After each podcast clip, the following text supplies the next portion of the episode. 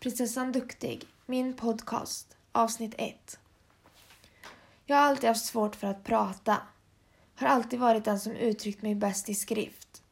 Men via denna podden ska jag ta tillbaka ordet. Jag ska bryta tystnaden. Mitt namn är Emily och jag kommer att kalla min podd för Prinsessan Duktig. För det är vad jag alltid spelat som, den där duktiga flickan. Jag har alltid velat vara bäst på allting. Bästa dottern, bästa systern, bästa vännen, bäst i skolan, bäst på allt. Men kunde duktiga flickor bli sjuka? Fick man det? Jag har i hela mitt liv levt med psykisk ohälsa, men det var ingenting jag pratade om. Jag var tyst till året då jag skulle fylla 20. Det var då jag började att bryta den där tystnaden. Men det var svårt att bryta tystnaden när det enda jag fick fram var ”jag vet inte” och en blick ner mot, mot marken. Det var inte särskilt lyckat, men jag försökte.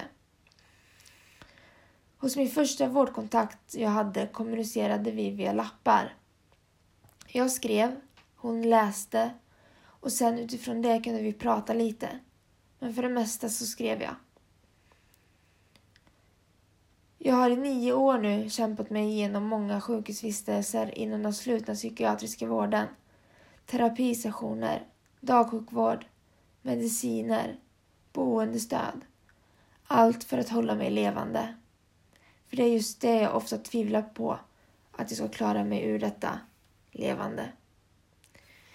Jag tänker att min podd ska vara min fristad. Ett ställe där jag kommer att ta upp olika delar ur mitt liv och försöka bryta tystnaden och dela med mig utav det jag har inom mig. Kanske kan det hjälpa andra tysta själar där ute. Idag fokuserar vi på ätstörningen. Som sjuåring började jag hata min kropp från topp till tå. Önskade att jag såg ut som någon av de fina tjejerna. Jag har stått och granskat mig själv i spegeln i 10 360 timmar, noga uträknat. Jag har slagit på min mage för att jag tyckte den varit för stor. Nypt tag i mina överarmar för jag ville vara säker på att fettet inte satte sig där. Jag har stått och stirrat på mitt ansikte, mitt äckliga ansikte. Det som jag hatade mer än färgen gult. Och gult i mina ögon är verkligen ingen vacker färg. Jag trivdes inte i den kropp jag hade. Men min ätstörning hölls hemlig, för det var ingenting som syntes utanpå förrän jag var 20 år.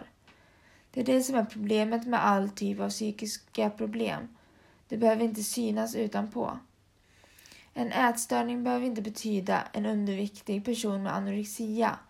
Du kan ha vilken kropp som helst och fortfarande lida stort utav en ätstörning. Det sitter inte i vikten. Det sitter i ditt huvud.